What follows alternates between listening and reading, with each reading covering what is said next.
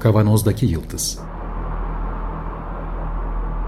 Hazırlayan ve sunanlar İsmail Başöz, Haluk Levent ve Fethiye Erbil.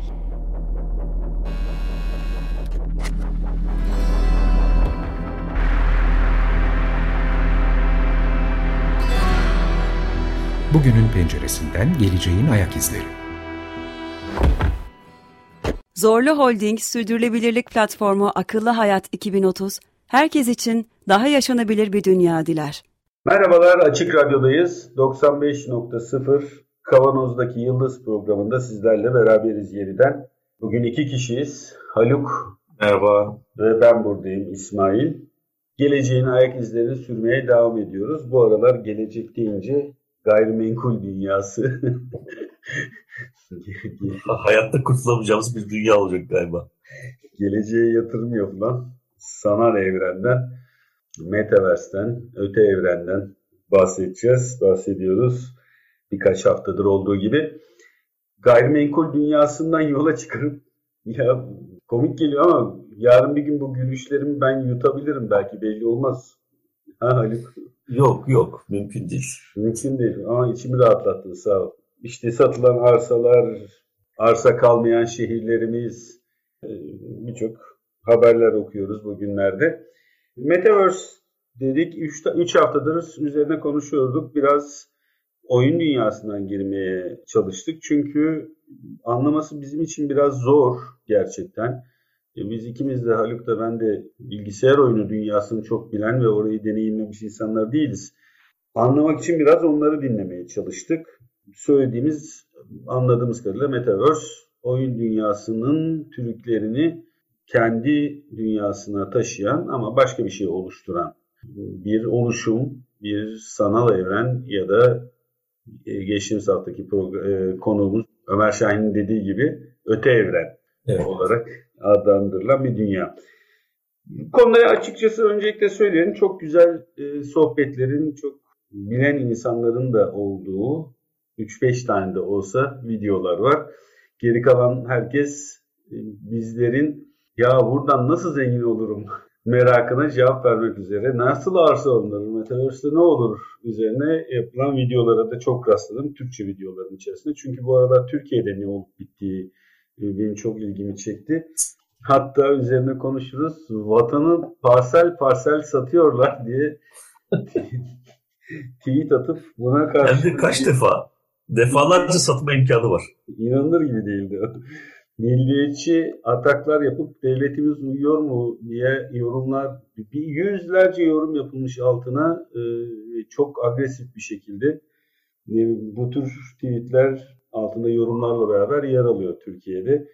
Vatanın satılmasından bahsedenler bile var. Demek ki Türkiye'de arazi arsa alma lafı sadece ticari olarak değil kutsal olarak da önem taşıyormuş. Bir parça da bunu gördük. Bunun üzerine biraz daha konuşalım dedik. Bugün ikimiziz. Benim anlamadığım kısımları ki Haluk'un da ne kadar anladığını göreceğiz.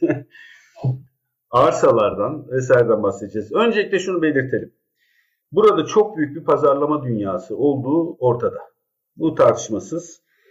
Yanılmıyorsam Serdar Kuzuloğlu'nun ifade ettiği 3 trilyon dolarlık bir dünyada reklam ve pazarlama pazarı, pastası var.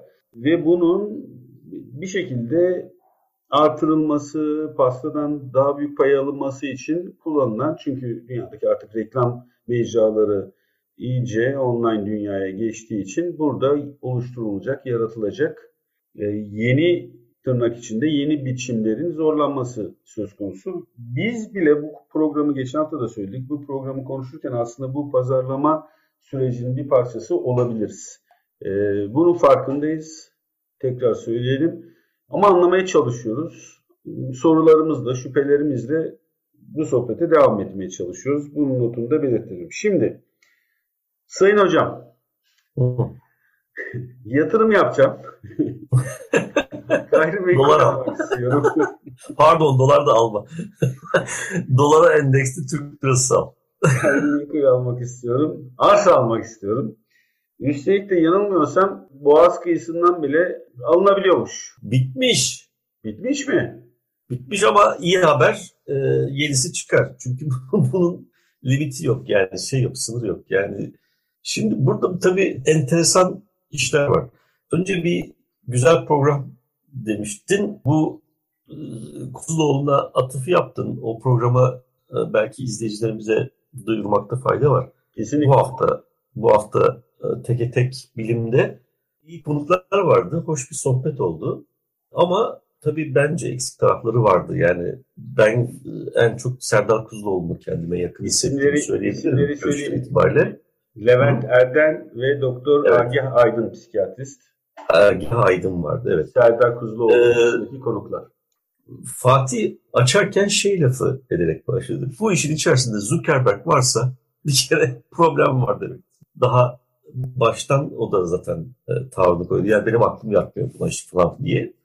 Şimdi bu bizim konuşmalarımızda da hep üzerinde durmaya çalışıyoruz. E, bir sanal evren ama işte Metaverse gibi böyle çok havalı bir isim var. Sen altını çizdin meta, öte dünya. Yani metafiziğin fizik ötesinden mülhen bir metaverse, universe'ün verse'ünü almışlar, metasını almışlar. Dolayısıyla hani yeni bir evren oluşturuyoruz ama bu evren bizim fiziksel evrenimizin dışında. E tamam peki. Yani buna bir itirazımız olmayabilirdi. Fakat bakıyoruz e, bizim fiziksel evrende ne varsa orada var.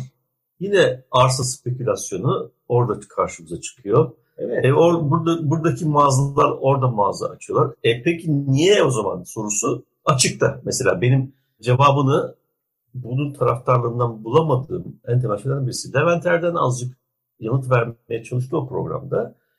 İşte bu yeni bir mecra tamam ama mecra ise neyin mecrası? O da çünkü kritik bir soru senin pazarlama dünyası yaklaşımınla çok yakından ilintili. Ee, yeni bir mecra, güzel. Üç boyutlu internet, evet. Üç boyutlu internet güzel bir şey. Şu anda iki boyutta e, epeyce keyif alıyoruz. Mi? Bayağı bir iş çözüyoruz. Eğitimi bunun üzerinden yürütüyoruz. Evet. E, bilimsel toplantıları yürütüyoruz. E, bunun bir de üç boyutlu hale gelmesi e, çok iyi olur. Yani herkes güzel Alışveriş de yapıyoruz artık çokça mesela. Evet, alışveriş de yapıyoruz. Alışveriş buraya doğru zaten şey yapıyor. Ee, O yüzden küçük esnafın şunun bunun falan epeyce zorlanacağı bir döneme e, girdik. Hı hı. E, üç boyutluysa peki güzel fakat işte Levent yine bir yerde şey lafı etmişti. Ameliyat bile yapılıyor. İşte şu da yapılıyor. Tamam bazı teknolojik gelişmelerin çok faydalı teknolojik gelişmelerin Metaverse ile ilişkilendirilerek Metaverse'ün olumlanması çok anlamlı bir şey değil. Yani niçin o zaman Metaverse, me- mesela Metaverse olmasa o ameliyat olmayacak mı?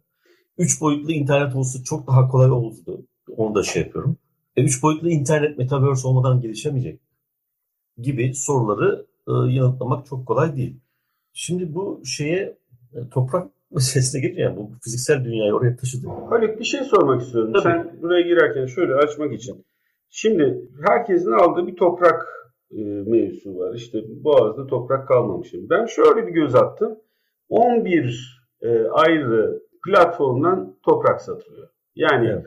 İstanbul'daki Galata Kulesi'nin üstüne kurulduğu araziyi 11 ayrı platformdan alabiliyoruz. Hani ne diyelim benim bildiğim kart oyunlarından Monopoly diyelim ki bir salonda dört tane ayrı masada dörder kişi Monopoly oynuyor. Halaskar Gazi Caddesi'ni ben de alıyorum. Öbür masadan da biri alıyor. Öbür masadan da biri alıyor. Öbür masadan da biri alıyor.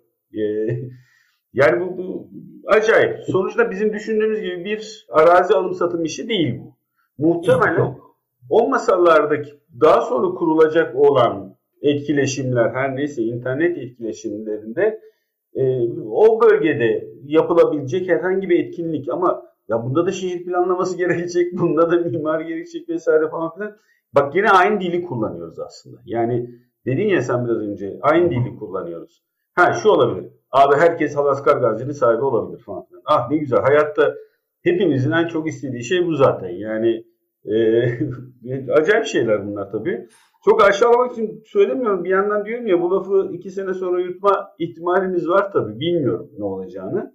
Fakat senin söylediğin lafın altını çizmek istiyorum. Aynı dili konuşuyoruz yahu. Yani ne oluyor? Şimdi Türkiye'de arazi Türkiye'de arazi kalmamış. İstanbul'da arazi kalmamış lafı. E, Metaverse'de arazi kalmamış. Ya herkes inanıyor buna ve gerçek oluyor. Olan şey bu. Yani niye inanıyorsunuz demiyorum. Harari'nin kitabında da çok güzel belirtiyor. Yani dünyanın en büyük dini paradır diye. Çünkü bir kağıt parçasında hepimiz inandığımız için bir değer taşıyor bu. Ee, Yok o kadar değil. Değil. Yani evet, hani, para, para konusu farklı. Yani kesinlikle öyle de bir yandan da hani yabancılaştıralım kendimizi.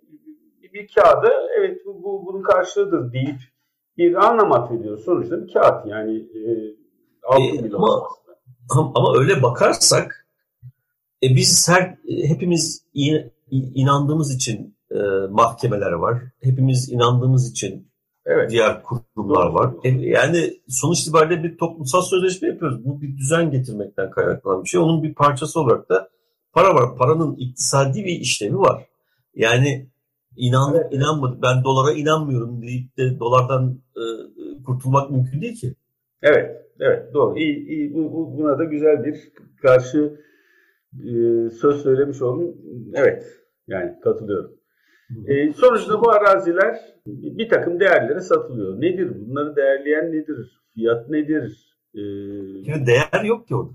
Yani şimdi Bitcoin'e değer atfediyorlardı ve biz ben mesela çok en başından itibaren hep bu coin meselesine karşı çıkıyordum. Artık değersiz fiyatlar ulaşmaya başladı etrafımız diye. Şimdi bu Bitcoin'de fiyat oluşması kolay ve enteresan bir şey. Neden? Çünkü Bitcoin'i daha o algoritmayı yazan insan işte ilk şeyle beraber e, piyasaya sürdüğünde limit koydu. Bitcoin ortaya çıkabilecek Bitcoin sayısı belli. O limitin sonuna doğru yaklaştıkça bir ihtiyacı karşıladığını düşünenler onu talep etmeye başladılar. Dolayısıyla böyle bir İktisatta iki tane değer teorisi vardır. İşte bir emek değer teorisi, bir de fayda değer teorisi. Yani bizim kullanım değeri atfettiğimiz her şey bizim bir ihtiyacımızı karşılar. E bu ihtiyaç genişledikçe e, o ihtiyacı karşılamak için imkanlar azaldıkça da işte o kıtlıktan dolayı da bir e, fiyat oluşur. Ama şimdi burada öyle bir durum da yok. Yani Bitcoin'de de yok. Çünkü Bitcoin bir ihtiyaç karşılamıyor aslında. Ha, belki mafyanın, para aklamak isteyenlerin, onun bunun falan bazı ihtiyaçlarını karşılıyor olabilir. Ama fiilen Bitcoin'in karşıladığı bir ihtiyacı tarif etmenin imkanı yok. Bakkaldan o yüzden fasulye alamayız yani sonuç O yüzden işte e, yok biz çok merkezsiziz. İşte e, merkez bankaları 5 ayın e, şeyinde hükümranlığında ondan sonra işte dünyayı yöneten çok kötüler var. Onlar da aslında merkez bankası e, merkez bankaları şeklinde vücut bulmuşlar. Biz bu merkez bankalarının hükümranlığını yıkacağız, özgürleşeceğiz gibi e, ipe sapa gelmez. Bir, her biri birbirinden saçma argümanlarla karşımıza çıkıyorlar. İşte biz aslında o Merkez Bankası'nın bastığı paraya güvenmesek senin az önce söylediğin argüman Bitcoin'cilerin meşhur ettiği bir argümandır. Sonuç itibariyle bu Bitcoin bir tür saadet zinciri. Saadet zincirleri de böyle çalışmıyor mu? Birisi geliyor bir hayal satıyor. Ama bu hayali satarken onun vurguladığı şey abi bu çok para edecek ileride. Şimdi Bitcoin için de öyle söyleniyor ya da başka coinler için de aynı şey e, söyleniyor. Aslında altın ee, çizmek istediğim buydu. Bu hayalin satılmasıydı. Yani, evet evet. Yani öyle bir şey yapılıyor. Şimdi Metaverse e, bundan da farklı bir şey. Daha da ileri bir e, nokta. Çünkü böyle bir evren olarak tanımlıyor kendini. Kuruyor. Yani bugün bizim alışık olduğumuz ne varsa o evrende onu bulacağımızı vaat ediyor. Bunun hayalini pompalıyor aslında. O yüzden bu fiziksel yani gerçekçi kabul edilebilmesi için bizim içinde bulunduğumuz ve deneyimlediğimiz, yaşamakta olduğumuz fiziksel evreni birebir taklit etme ihtiyacı içerisinde. Bunu, bunu yaparken de ama ben işte çok farklıyım, işte öte bir evrenim, bambaşka bir evrenim falan diyor. E bambaşka bir evrenin ötesinde e peki Boğaz'daki e, arazileri sattım bitti falan diyorsun da e, yani on, sen 14-15 tane değil mi farklı platform var şimdilik. Bunun önünde bir sınır yok. Yani 15 milyon tane de olabilir. Ee, mesela bir şey daha söyleyeceğim özür diliyorum. Niye Boğaz para ediyor ki? Yani niye herhangi bir arazi o parayı etmiyor? E, bir tane evet. şey kurdun. Diyelim ki o araziye toplantı salonu kurdun bir süre sonra diyelim ki ve insanları oraya alıyorsun. Yani bu kadar her şeyi görsel olarak e, virtual reality ile görsel olarak taşıyabiliyorsan Boğaz'ın kenarında olsa ne, öbür tarafta olsa ne, ne değişecek yani? yani Gobi çölünün ortasında olsa ne olacak? Boğaz'da olsa ne olacak? Sanki yani, yürüyerek, koşarak ya da eh, yani, ama ulaşım kolay. yani ulaşım kolay. Şimdi bir emlakçıyla senin bana gönderdiğin yazıyı okudum ben. Bu Habertürk'teki röportajı. Emlakçı diyor ki valla insan ya bir kere bir kıtlık olması lazım. Burada kıtlık yok diyor bir şeyin para edebilmesi için. Yani her an sahtesinin yapılabildiği bir parada para düşün. Yani kalp kalp para sınırsız olarak herkes tarafından üretilebiliyor.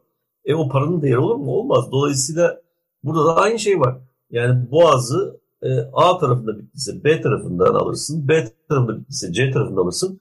Hiçbir yerde kalmadıysa azıcık para verip kendin yaptırtırsın. Oyun millete satmaya başlarsın bu sefer. Yani bu pahalı bir şey değil çünkü teknolojik olarak. Dünya haritasını alıyorsun işte orada parsel yapıyorsun. Yani öyle acayip zor bir şey değil. Muhtemelen daha da kolaylaşacaktır bu. Bir şey ekleyeyim burada. Yani biraz daha kafamızda canlansın diye. Over, OVR isimli e, oyun tabanlı bir Metaverse platformundan bahsediliyor. Bu platform dünyada tam 1.6 trilyon parsele bölmüş dünyayı. Böyle hı e, birçok grafikte görüyoruz. Bal peteği gibi altıgen şekillere bölmüş. Hiçbir şey yok yani. Denizde, de, kıyısında, yolda, belde falan filan dağda bilmem nerede. Bunun Türkiye'de 20 bin parsel, İstanbul'da da 11 bin pardon satılanlar bunlar. Yani 1.6 trilyon parçayı almış eline dünya haritasını altıgenlere bölmüş ve veriyorum sana diyor. Tamam mı? Yani ben mesela şimdi kendi platformumu açıp üçgenlere bölüp verebilir durumdayım bu noktada değil mi? Bitti o evet. 11 platform. Ben de bir platform açtım. Ben de satıyorum abi. Ya çok acayip yani. Yani vaadin ne olduğunu anlayamadım burada ben. Mesela anlayamıyorum. O şeyde emlakçı emlak değerleme uzmanıyla daha konuştular. Şimdi o değerleme yapacağız diyor. Biz değerleme yaparken 3-4 tane ilkemiz vardır diyor. O ilkelere bakarız diyor. Birinci sırada kıtlığı koyuyor. Yani bir daha e, başka bir tarafından üretilemezdik hali. Şimdi bazı oyun platformları ben de gördüğüm kadarıyla mesela çok sınırlı sayıda parsel çıkartıyorlar. Yani Bitcoin gibi kendileri bir sınırlamaya çalışıyorlar. Ama şimdi burada şöyle bir problem var. A oyun platformu sınır koydu. İşte bir milyon tane parsel çıkarttı ya da bir milyon küsür tane. E tamam ama bu halen bir kıtlık yaratmıyor. Çünkü öbür tarafta ikinci bir platform, üçüncü bir platform, işte 50. Ben, ben de 100. 500. çıkabilir. Bunların ama burada bir kıtlık yaratabilecek bir unsur platformun kendine özgürlük hali yaratması gerekir. Çok özür yani kıtlıktan benim... bahsettiğim burada arzın az olmasından, talebin evet. fazla olmasından bahsediyorsun. Evet. Hı hı. Arz, arzın yani üretimin sınırlı olmasından bahsediyorum. Az, az olması değil, sınırlı olması. Yani günün birinde bitecek bu. Hı hı. Bunu biliyor olması lazım. Bizim çünkü halen bizim fiziksel dünyamızın en kırılgan kanunlarının evrensel bir geçerliği varmış gibi hareket ediyorlar. Yani bizim bildiğimiz meta ekonomisi çünkü bu meta ekonomisinin ben, ben mesela kişisel olarak fizik kendi dünyamızda yıkılmakta olduğunu söylüyorum. E şimdi bu arkadaşlar bu meta ekonomisinin tüm kurallarının ve yaklaşımlarının kendi evrenlerinde de geçerli olduğunu söylüyorlar ve ilelebet geçerli kalacağını düşünüyorlar. Peki bizim fiziksel dünyamızda biz bunu ilga edersek değil mi? Sonuçta bunu hedefleyen geniş bir siyasi hareket var.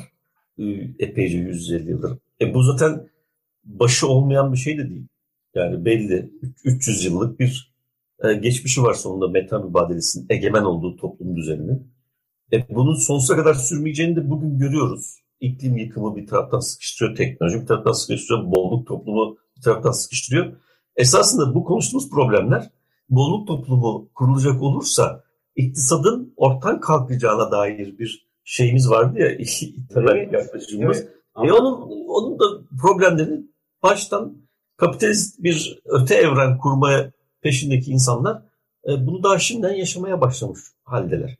Dolayısıyla bu açığı kapatmak için de insanın iman etmesini sağlayacak bazı şeylerle e, oynamaya başlıyorlar. İşte tam da bu noktada zaten bir saadet zinciri haline dönüşüyor.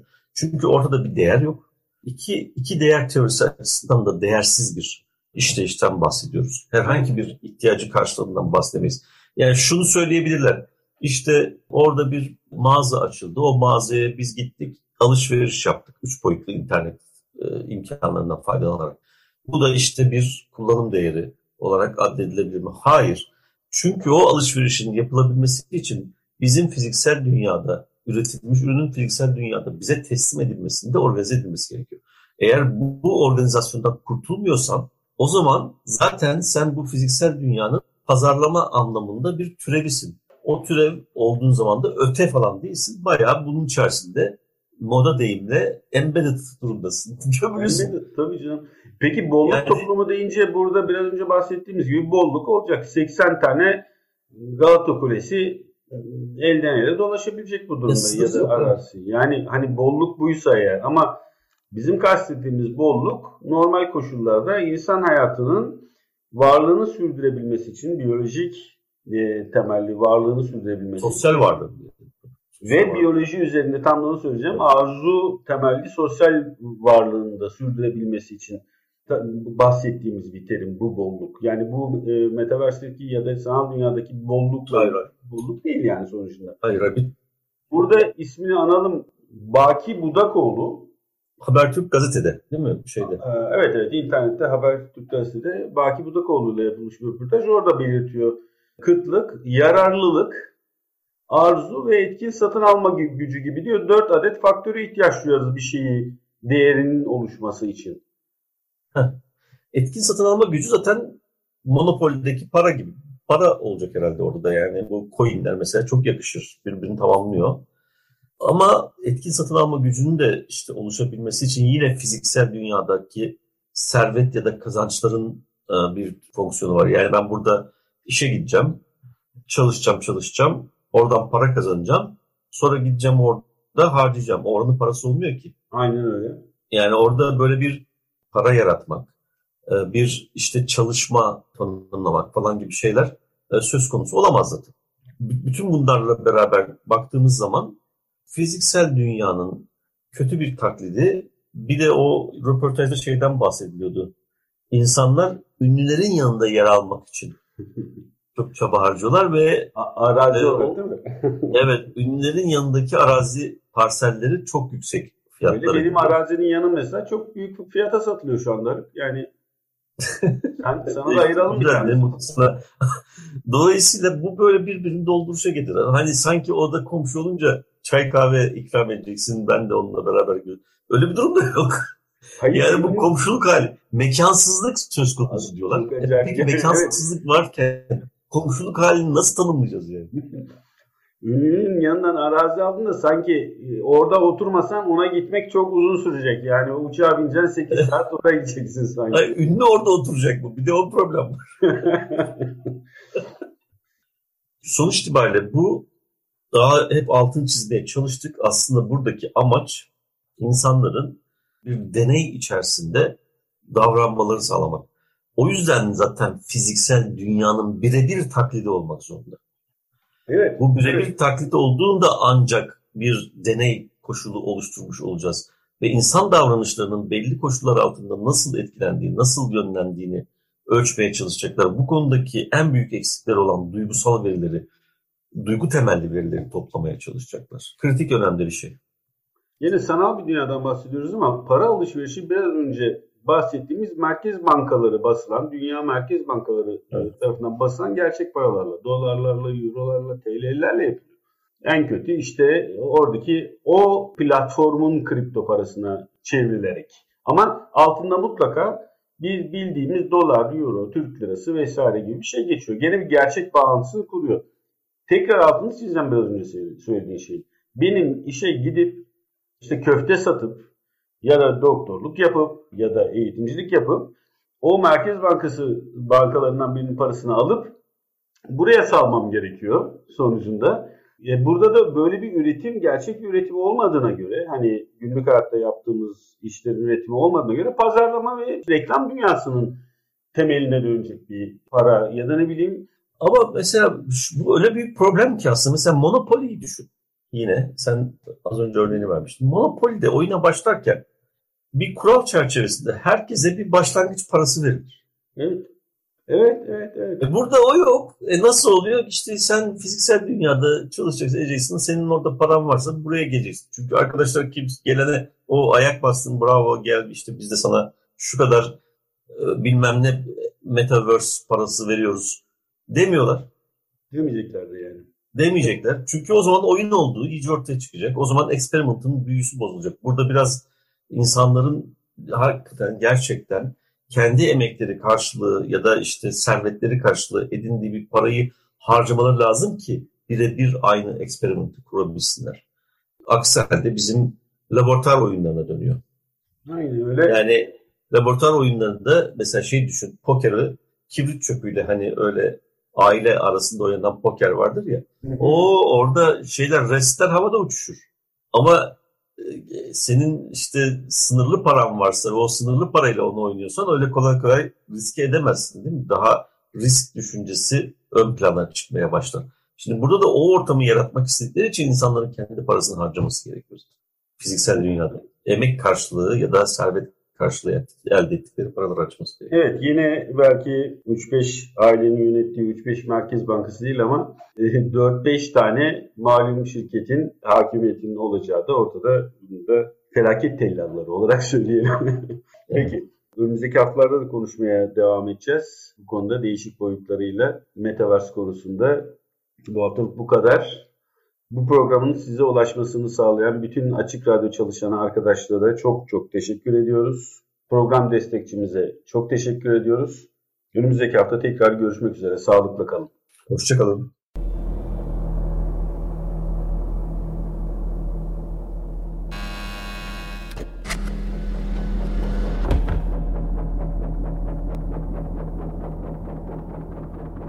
Kavanozdaki Yıldız Hazırlayan ve sunanlar İsmail Başöz, Haluk Levent ve Fethiye Erbil.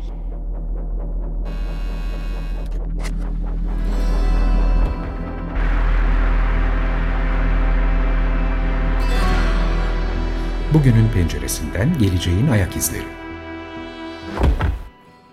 Zorlu Holding Sürdürülebilirlik Platformu Akıllı Hayat 2030 sundu.